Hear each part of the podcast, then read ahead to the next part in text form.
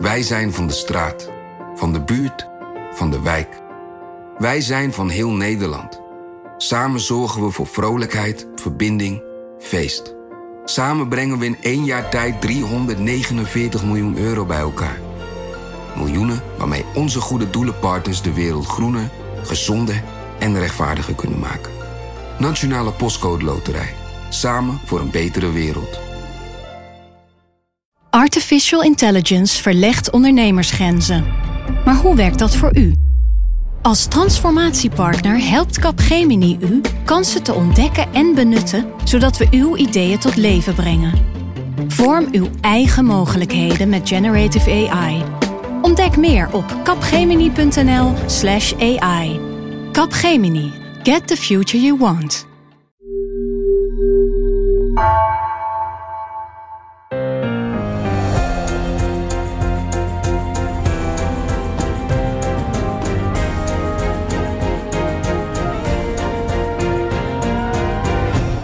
Dit is Haagse Zaken van NRC. Mijn naam is Floor Boon.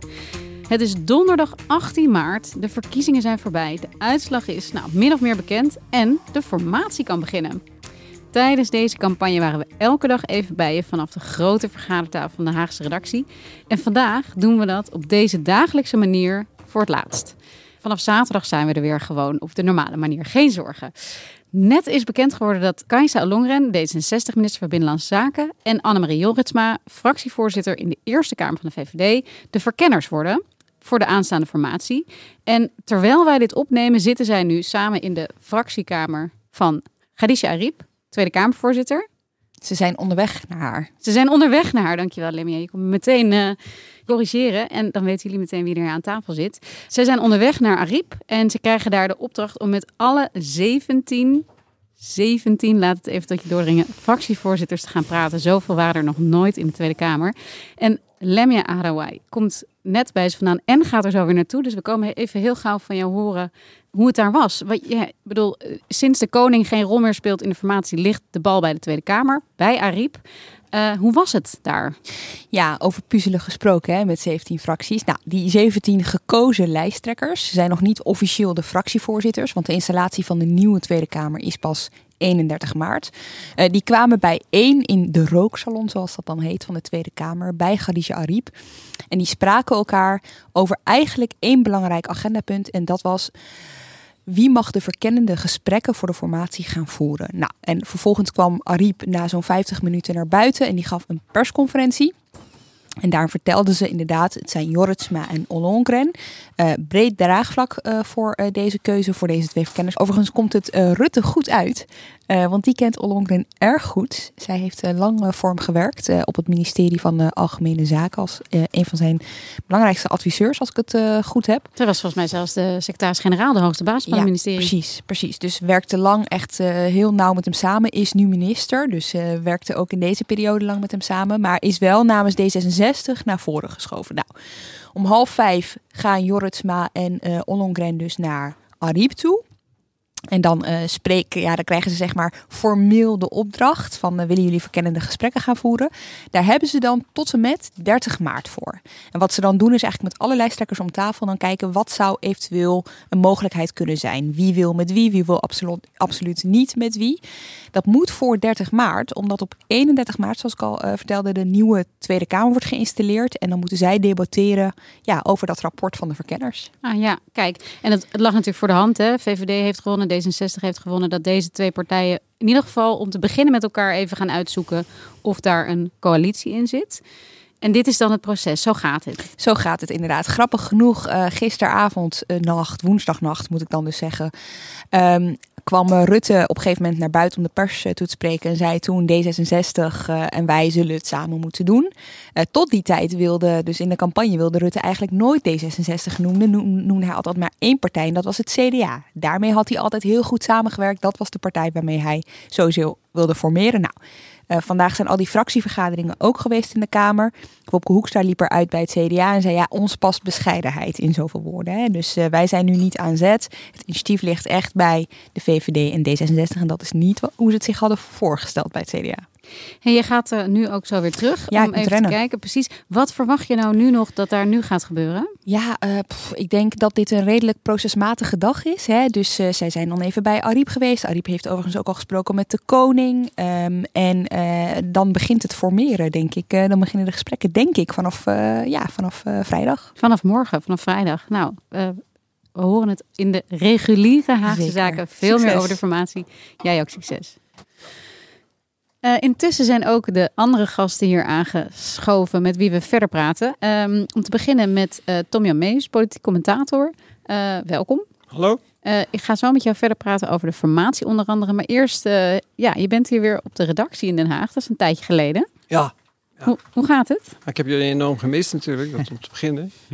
um, Nee, ja, weet je, het gaat bij mij prima. Kijk, uh, ik, ik werk natuurlijk als, uh, met die columns toch een beetje in de tweede lijn. En hier is de eerste lijn verslaggeving. En dan is het natuurlijk niet netjes om mensen hier werkplekken te gaan bezetten. Uh, terwijl ik dat prima vanaf huis kan. En op en neer rijden met en dan kom je ook weinig in het gebouw van de Tweede Kamer over, omdat ja, daar was gewoon de afgelopen tijd niet uh, het centrum van de actie, als ik eerlijk ben. Waar was dat wel? Dat zat natuurlijk, dat kon iedereen merken en zien en lezen. Dat zat op de ministeries en, en met name ook in de ministerraad. Wat ik een heel dankbaar onderwerp heb gevonden de afgelopen tijd. Dus jij was niet hier op de redactie, maar liep wel op andere plekken ja, nee, ik heb ook heel veel thuiswerk. Laat het duidelijk zijn. Het is gewoon uh, zoals uh, zoveel Nederlanders. Van, daar wordt van verwacht met het oog op het algemeen belang om dat te doen. En dat volg ik dan. Zo, zo ben ik. Heel netjes, heel netjes. Uh, ook aan tafel, ja, we hebben je zo ook een keer zo genoemd. Rick Rutte, ons meubilair. Dankjewel, fijn dat je er weer bent. Dankjewel. voor. en Pim van der Doel. Uh, gisteren hoorden we jou wel eventjes in de, uh, vannacht eigenlijk in de verkiezingsnacht, uh, in de uitzending vanuit huis. Nu ben je hier weer en je hebt hier in het Kamergebouw best wel rondgelopen vandaag. Kan je een beetje ons meenemen van wat gebeurt er op zo'n dag na de verkiezingen? Ja, nou, het is ja, traditie dat uh, op die donderdagochtend na de verkiezingen uh, alle partijen bij elkaar komen in, in de Tweede Kamer. Ze hebben dan vaak natuurlijk een hele korte verkiezingsnacht achter de rug. Of sorry, ik zeg, moet het anders zeggen, een hele lange verkiezingsnacht. En daardoor vaak maar kort geslapen. Uh, nu was dat dit jaar natuurlijk wel een beetje anders, want de echte verkiezingsfeestjes waar het heel erg uit de hand kon lopen, ja, die ontbraken een beetje. Nou, dus helemaal denk ik. Ja, of helemaal. Um, dus misschien dat uh, de meeste uh, Kamerleden toch, toch wel iets meer uurtjes hebben kunnen pakken. Maar goed, dan komen ze in de ochtend bij elkaar. Eigenlijk de, in principe de nieuw gekozen fracties. Uh, ja, en dan heb je natuurlijk altijd twee, uh, dan kun je eigenlijk altijd twee situaties hebben. Hè? Of, of partijen die natuurlijk euforisch en heel blij zijn. En natuurlijk partijen die pijnlijk uh, hebben verloren. Uh, maar ze maken er dan wel een, go een goede traditie van zeg maar, om, om de pers even te ontvangen bij hun fractievergadering. En jij bent even op verschillende plekken gaan kijken? Ja, ik heb een beetje door het gebouw gelopen. Ik ben ook vooral naar de SP gegaan. Dat is de partij die ik zelf volg. Nou, je zult begrijpen dat het bij de, de gezichten bij de socialisten vanochtend nogal bedrukt stonden. Ze hebben er nog één zeteltje bij gesnoept, ja, het, ten opzichte uh, van de eerste ze werden, ze werden vanochtend met een hele kleine meevaller nog wakker. Namelijk dat ze in plaats van de voorspelde acht waarschijnlijk toch negen zetels uh, behouden. Kan natuurlijk ook heel, hè, dat is heel bepalend natuurlijk voor de mensen uh, uit die fractie. Want uh, om die reden bijvoorbeeld mocht de nummer 9 Jasper van Dijk van de kandidatenlijst vanochtend dus wel al gelijk aanschuiven bij de fractievergadering. Want het zijn alleen maar de nieuw gekozen mensen die dan aanschuiven. Nou, dat verschilt dan een beetje per partij. Althans vanochtend uh, bij de SP waren het echt de, de verwachte negen fractieleden. Maar bij GroenLinks hadden ze er bijvoorbeeld voor gekozen uh, om uh, nou ja, de, de schijn nog een beetje op te houden. En zeg maar de hele huidige fractie plus de nieuwkomers uh, allemaal uit te nodigen. dus ja, iedere partij pakt het ook een beetje anders aan. En hoe was het bijvoorbeeld bij de VVD? Die, die, mag dat wel in coronatijd? Zoveel 35 mensen bij elkaar? Nee, ik begreep dat de VVD een, voor een online fractiebijeenkomst had gekozen. en daar, daar heeft Rutte ook de, nou ja, de, de nieuwe fractie toegesproken. Rutte natuurlijk nu formeel weer heel even de nieuwe fractievoorzitter. En tegelijk natuurlijk ook de, de premier. De verwachting is natuurlijk dat hij uh, ja, op een gegeven moment weer officieel premier wordt. En er een nieuwe fractievoorzitter daar gekozen gaat worden. Ja, en daarna gaan dus na deze bijeenkomsten gaan dan die fractievoorzitters, of in ieder geval de lijsttrekkers, gaan naar de Tweede Kamervoorzitter, Ariep, om elkaar voor te stellen, kenbaar te maken. En dan ja. begint eigenlijk het proces wat ik net al even met Lemia besprak over de formatie. Ja, ja, die fracties die bespreken gewoon eerst met elkaar dan s ochtends hè, de, de, de uitslag van nou, viel het mee, viel het tegen, uh, hebben we al bijvoorbeeld uh, oorzaken voor onze verkiezingsnederlaag. En, en een beetje hun positie in de formatie. Hè? Dus ze, ze hebben het er ook met elkaar over van, nou zien we nou met dit zetelaantal voor ons een rol bij die formatie? Willen we bijvoorbeeld wel of niet gaan meeregeren? Om nog even weer op de SP dan terug te komen. die hadden in een campagne heel erg het idee van, nou we willen een keer gaan regeren. En we willen misschien wel met de VVD regeren. Uh, maar ja, uh, vanochtend uh, met deze uitslag, vijf zetels verlies, moest Lilian Marijns natuurlijk gewoon zeggen tegen de pers van nou, voor ons is er voorlopig geen, geen rol weggelegd. Hey, uh, dit zijn de uitslagen. We zien dus uh, fracties. Dit gaat gewoon ook over hoe ziet de Tweede Kamer er straks uit. Maar verlies en winst, maar ook verlies betekent natuurlijk ook heel erg iets voor de mensen. Er zijn mensen die gewoon hun baan verliezen nu. En niet alleen maar Kamerleden, maar ook fractiemedewerkers, beleidsmedewerkers. Allerlei mensen die hier de afgelopen vier jaar in de Tweede Kamer hebben rondgelopen. Is het ook echt een soort tranendal dan? Ja, ik weet niet of het echt geheld is bij partijen. Uh, of het zo erg was. Uh, je hebt het niet meegekregen? Nee, dat heb ik niet helemaal meegekregen. Maar ik, ik denk wel, uh, misschien weet jij dat ook toen al maar vier geleden, bijvoorbeeld toen de PvdA van, van wat was het, 37 naar 9 zetels. Ja. Dat was natuurlijk een, een ongelofelijke uh, slagpartij. En, en ja, daardoor verloren letterlijk heel veel mensen direct hun baan volgens mij. Nee, maar wat vandaag ook in werking stelde, ik had me dat ook, ik was eigenlijk vergeten, maar ik was net bij GroenLinks. En daar hadden ze te horen gekregen dat een, hè, die gaan dan ook van, wat is het, 14 naar 8 of zo, 7. Um, uh, ja, die hadden ze te horen gekregen dat ze dit jaar twee keer gaan verhuizen. Dus dat begint, uh, eerst moeten ze een deel van hun huidige kamers inleveren. En dan komende zomer gaan ze naar een nieuw gebouw. En dan, uh, ja, en dan moeten ze ook afscheid gaan nemen van de medewerkers. En ik sprak iemand die er ook bij was geweest in 2012, toen de GroenLinks naar vier zetels ging. En die zei heel vergoeilijkend, ja... In 2012 was het nog erger. okay, Gelukkig zitten er veel anywheres bij GroenLinks. Die vinden het niet zo erg om te blijven verhuizen. Ja, het omgekeerde is trouwens ook nog wel aardig om te vertellen. Er zijn dus ook allemaal nieuwe fracties en nieuwe Kamerleden. Waarvan sommige voor het eerst of voor een van de eerste keren ooit in dat gebouw zijn. Uh, er kwam bijvoorbeeld vanochtend een enorme trekker het Binnenhof oprijden tot voor het Kamergebouw. Daar stapte uh, Caroline van der Plas uit. Van de Boerenburgerbeweging. Van de Boerenburgerbeweging. Die uh, tot, tot verbazing en verrassing van, van sommigen.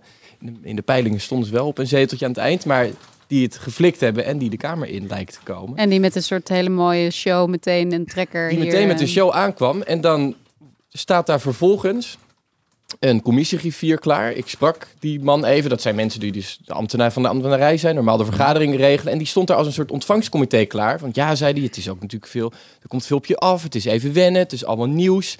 En die worden dan naar binnen geleid. En dan uh, staat er de koffie klaar. Ik kwam ook al wat verdwaasde en verdwaalde nieuwe Kamerleden tegen. Die daar dan allemaal formulieren en pasjes moeten gaan regelen. En hoe kunnen ze straks hun reiskosten gaan declareren. En de koffie uit uh, het Statencafé halen.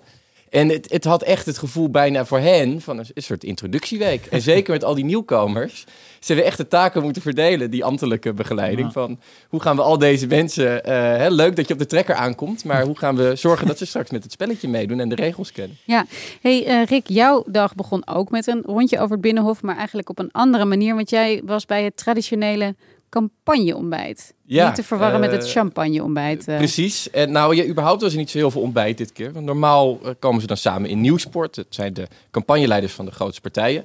Het zijn vaak Kamerleden of mensen uit de, de, tweede linie... die dus de afgelopen weken de strategie hebben uitgedacht. alleen corona, het was nu heel beperkt. Pers was niet welkom. volgens mij was er ook geen ontbijt. Ik zag alleen gescheiden tafeltjes met een, een glaasje water erop.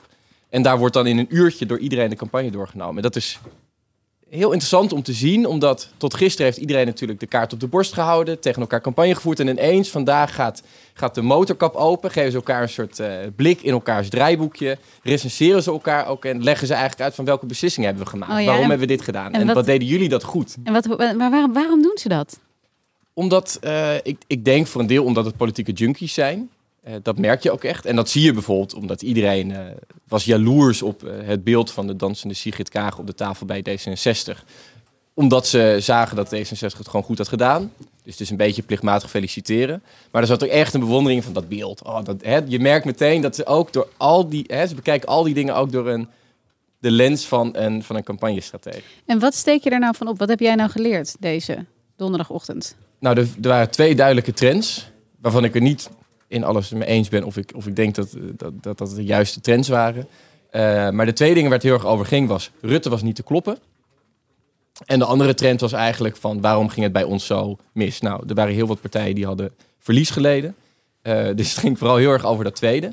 Maar je stak daar wel wat van op. Eh, een voorbeeld was dat eh, Maarten Heijink, SP-Kamerlid en daar de campagneleider, die zei: Kijk, normaal zijn wij enorm van het werk in de buurt. Wij gaan met z'n allen flyeren, wij gaan de wijken in. Dat kon nu niet. En we merkten, we hebben de afgelopen maanden ons opgesteld als een constructieve partij. En we merkten dat onze achterban dat lang niet altijd fijn vond, niet begreep. En juist iets als de toeslagenaffaire, waar we heel erg mee tekeer gingen tegen het kabinet, daar konden we ons niet op profileren. En dat alle aandacht opzoog, de coronacrisis. Daarin zochten we vaak de samenwerking, maar dat werkte helemaal niet bij onze kiezers. Geeft het jou nu met terugwerkende kracht een ander beeld ook over hoe die campagnes zijn verlopen en waarom het is gegaan zoals het is gegaan? Nou, het blijft natuurlijk, het blijft, de campagnewerkelijkheid is een soort eigen werkelijkheid op zich. Maar die campagnewerkelijkheid, die beïnvloedt de werkelijkheid, omdat dit de mensen zijn die de beslissingen maken.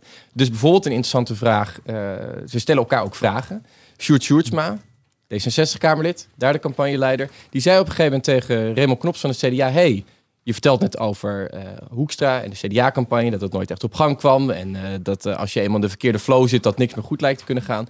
Maar heeft het ook geen rol gespeeld dat, bijvoorbeeld met dat voorstel de WW te versoberen, dat jullie heel erg rechts van de VVD gingen zitten? En dat daardoor ruimte ontstond voor ons dichter bij het midden. En dat wij ook nog eens een katholieke lijsttrekker hebben, als tegenhanger van het CDA, waar normaal een, een katholiek aan het, aan het roer staat, en nu uh, de agnost Hoekstra, heeft dat ons niet heel veel ruimte gegeven. En geeft hij daar dan een eerlijk antwoord op?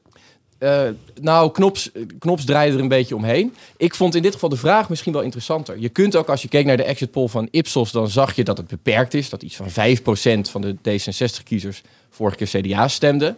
Maar het zegt iets dat Sjoerd Sjoerdsma, de man die de campagne van D66 voor een belang heeft uitgedokterd, dit constateerde een maand geleden en daarnaar gehandeld heeft, zou je zeggen inderdaad die groep kiezers begon op te zoeken. Uiteindelijk weten we dat D66, zo lijkt het, vooruit de progressieve hoek kiezers heeft gemaakt. Maar het vertelt je, hey, hoe kijken deze campagneleiders zelf naar... Ze hebben allemaal ideeën vooraf.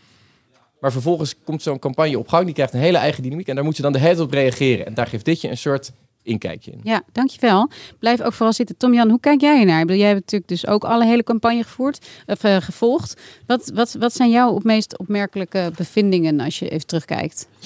Nou, volgens mij laat de uitslag zien eigenlijk dat uh, je hebt twee soorten politieke partijen voortaan. Je hebt steeds meer politieke partijen die zich richten op een betrekkelijk kleine doelgroep. Hè, dat, dat is de boer-burgerbeweging en, de, en, de, en, en de, de Partij voor de Dieren en variaties daarop. De, beetje de one-issue-partijen eigenlijk? Nou ja, dat willen ze nooit horen. Want de boer-burgerbeweging klaagt al dat ze met de boeren geïdentificeerd wordt. Want dat blijkt een bredere beweging dat? te zijn. Hoe kan dat nou komen? Dat, ja, ja, dat zoeken we nog even uit. Maar Heel merkwaardig, ja. maar hoe dan ook, kijk, je, dat is gewoon een, een, een betrekkelijk nieuw, of een relatief nieuw verschijnsel. Waarbij partijen eigenlijk een relatief kleine doelgroep kiezen. En die proberen te bedienen. En ook de he, moderne internetdata zijn natuurlijk daar heel erg geschikt voor om, om, om, om, om, dat, uh, om daarin te slagen. En enfin, uh, de versplintering neemt daarmee verder toe.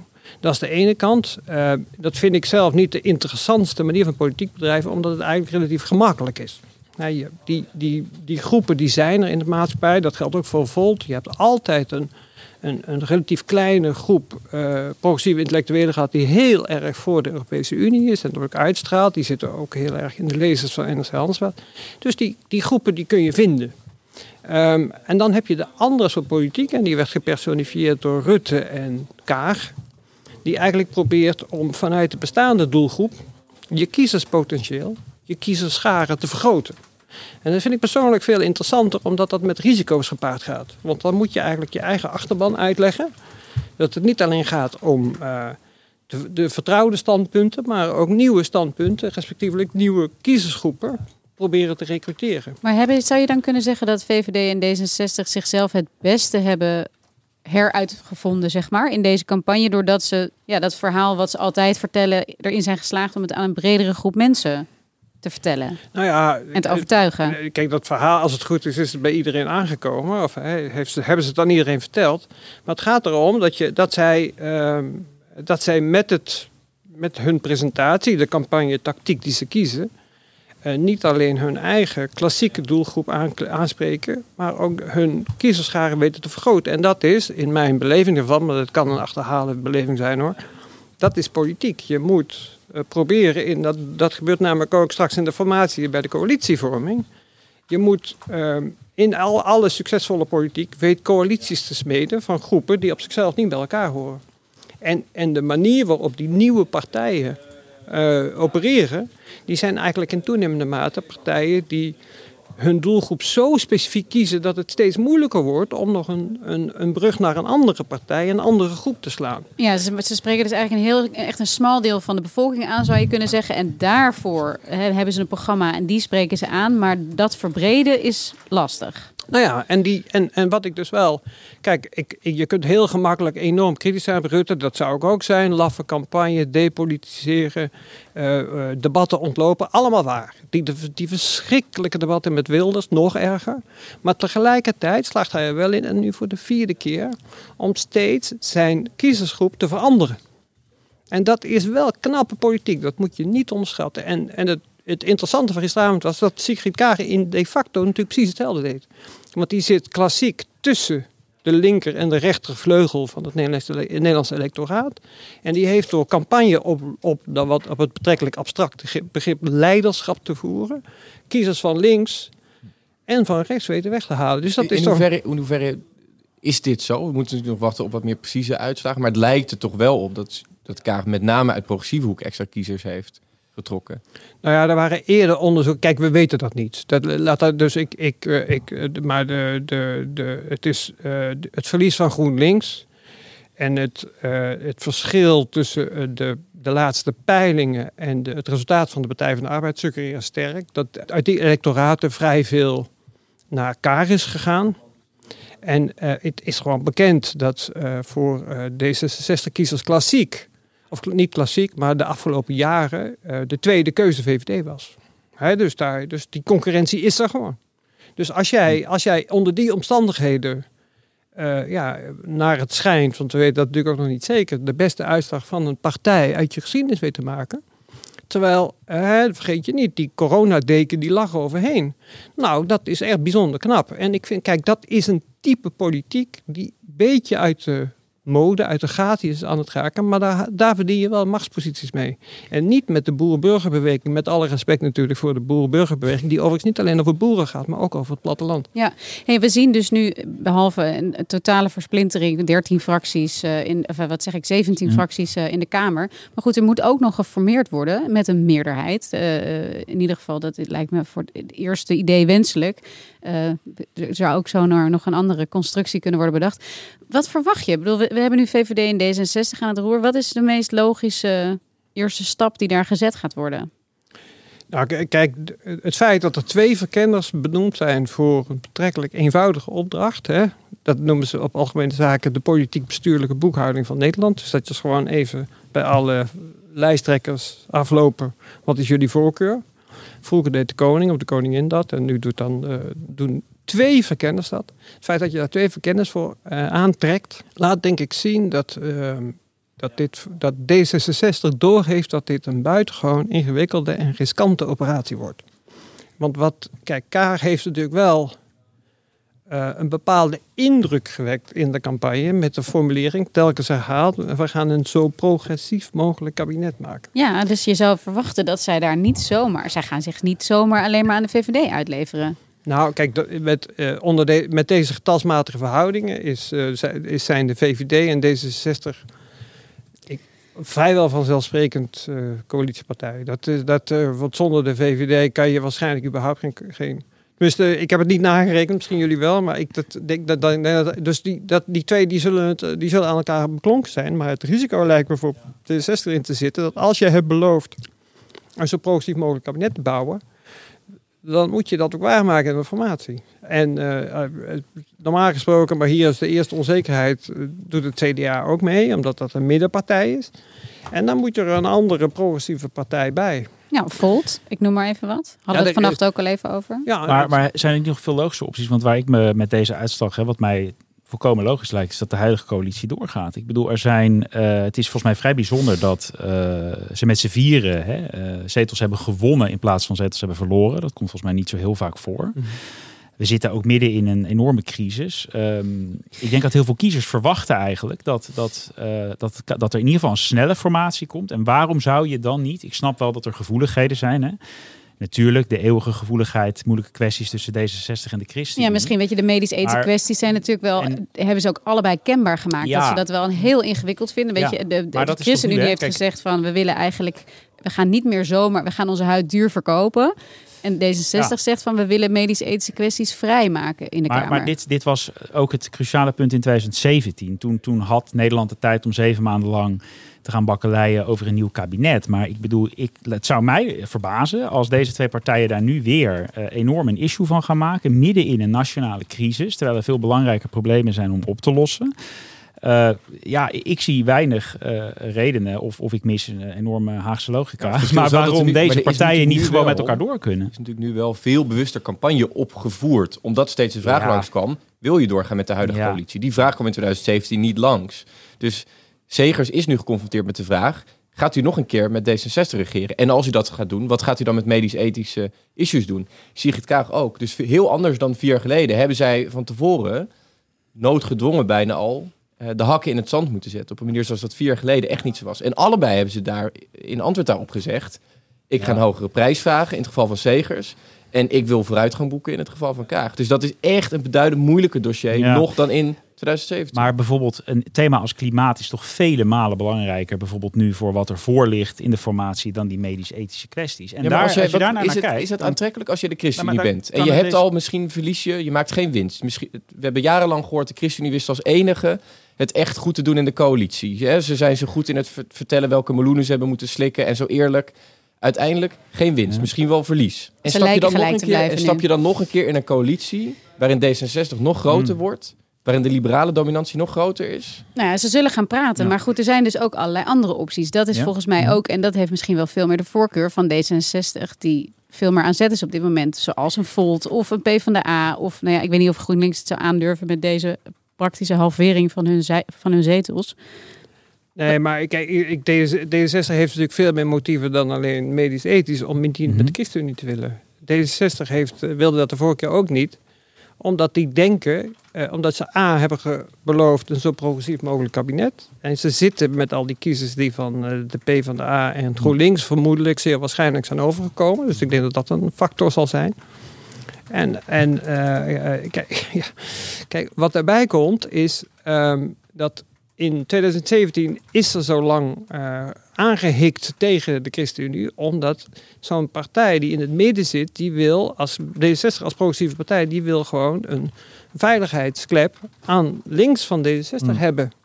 En eh, zoals CDA en VVD een koppeltje zijn, zo waren D66 en de ChristenUnie dat electoraal, politiek overigens wel, maar electoraal de afgelopen periode niet. Dus zij, zij zoeken dat en dat is ook precies de spanning die hier zit. Reden waarom we voor een betrekkelijk simpel opdrachtje als eh, de verkenning al twee verkenners nodig hebben.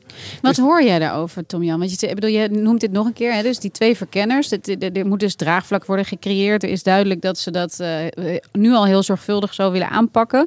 Wat, wat, wat is jouw inschatting als je dit zo ziet en zegt? Ik zat gisteravond gewoon thuis op de bank en kreeg eh, over de app door dat, dat, eh, dat, eh, dat beide partijen, dat D66 per se twee verkenners wilden.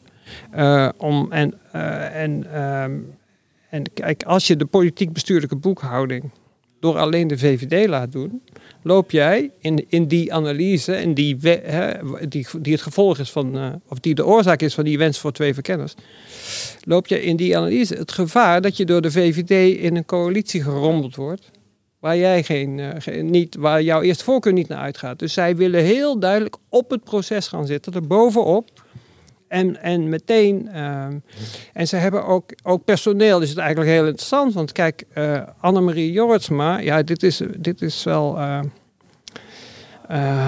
Haagse, Haagse detaillering. Maar goed, ik zal het vertellen. Kijk, Annemarie Jorritsma was minister van Economische Zaken en vicepremier in het tweede Paarse kabinet. En haar chef parlementaire relaties was daar Kajsa Ollongren. Dus die vrouwen die kennen elkaar heel goed En heel lang. die zijn op elkaar heen ingespeeld. En dat, en dat laat ook zien dat die partijen door met deze keuze wel echt serieus investeren in, deze, in, deze, in dit project. Maar dat betekent dus ook dat de VVD heel erg laat merken, ja, we snappen die gevoeligheden van D66. Dus ze beginnen over, de, ik bedoel, D66 is argwanend begonnen en heeft deze eis gesteld. De VVD is erop ingegaan. En dat leidt nu, dan nu tot iets waarvan je denkt, oké, ja. Ook historisch gezien logisch. Ja, en dit zijn dus de twee verkenners waar Lemja, die we in het begin spraken, nu net ook weer naartoe is. Uh, uh, en die gaan kijken wat er mogelijk is. Heel even tot slot. Um, uh, ja, er, er, ligt natuurlijk een nationale crisis. Die is nog niet opgelost. wat verwacht je? De vorige formatie 2017 was de langste ooit. Um, ze zeggen allemaal, hè, nationaal herstelplan wil Rutte. Iedereen wil snel formeren. Maar goed, is dat mogelijk? Nee, maar weet je, dat snelle formatie, dat is natuurlijk gewoon een truc. Kijk, uh, er is één snelle formatie onder Rutte geweest. Die was met Diederik Samson, de PvdA, 29 zetels verloren. Dus ja, dat is, als jij een beetje nadenkt dat je moet met Rutte gaan regeren, nooit snel. Ja, dit is echt iets, hier gaan we de komende dagen, weken, misschien wel maanden nog heel erg veel over doorpraten. Uh, ik wil jullie voor nu hartelijk danken voor je komst en voor jullie bijdrage. En goed om jullie te zien. Ook Lem, jij die er eerder was. Dit was de laatste editie van Haagse Zaken Telt Af. Ik heb even geteld en de, jullie hebben de afgelopen twee weken aan deze vergadertafel hier 17 van onze mensen gehoord. Dat is net zoveel fracties in de Tweede Kamer. In ieder geval heel erg veel dank aan Henk Ruigop van den Berg en Iris Verhulsdonk... die echt onvermoeibaar hebben gewerkt om dit mogelijk te maken. En aan Lemja, dat ik deze twee weken even haar Haagse zaken heb mogen instappen. Ik draag het met genoegen weer helemaal aan haar over. En vanaf zaterdag is zij ook weer te horen met een reguliere Lange Haagse Zaken. Over de formatie, de aftrap van nog veel meer hierover. Veel dank voor het luisteren en misschien tot de volgende verkiezingen.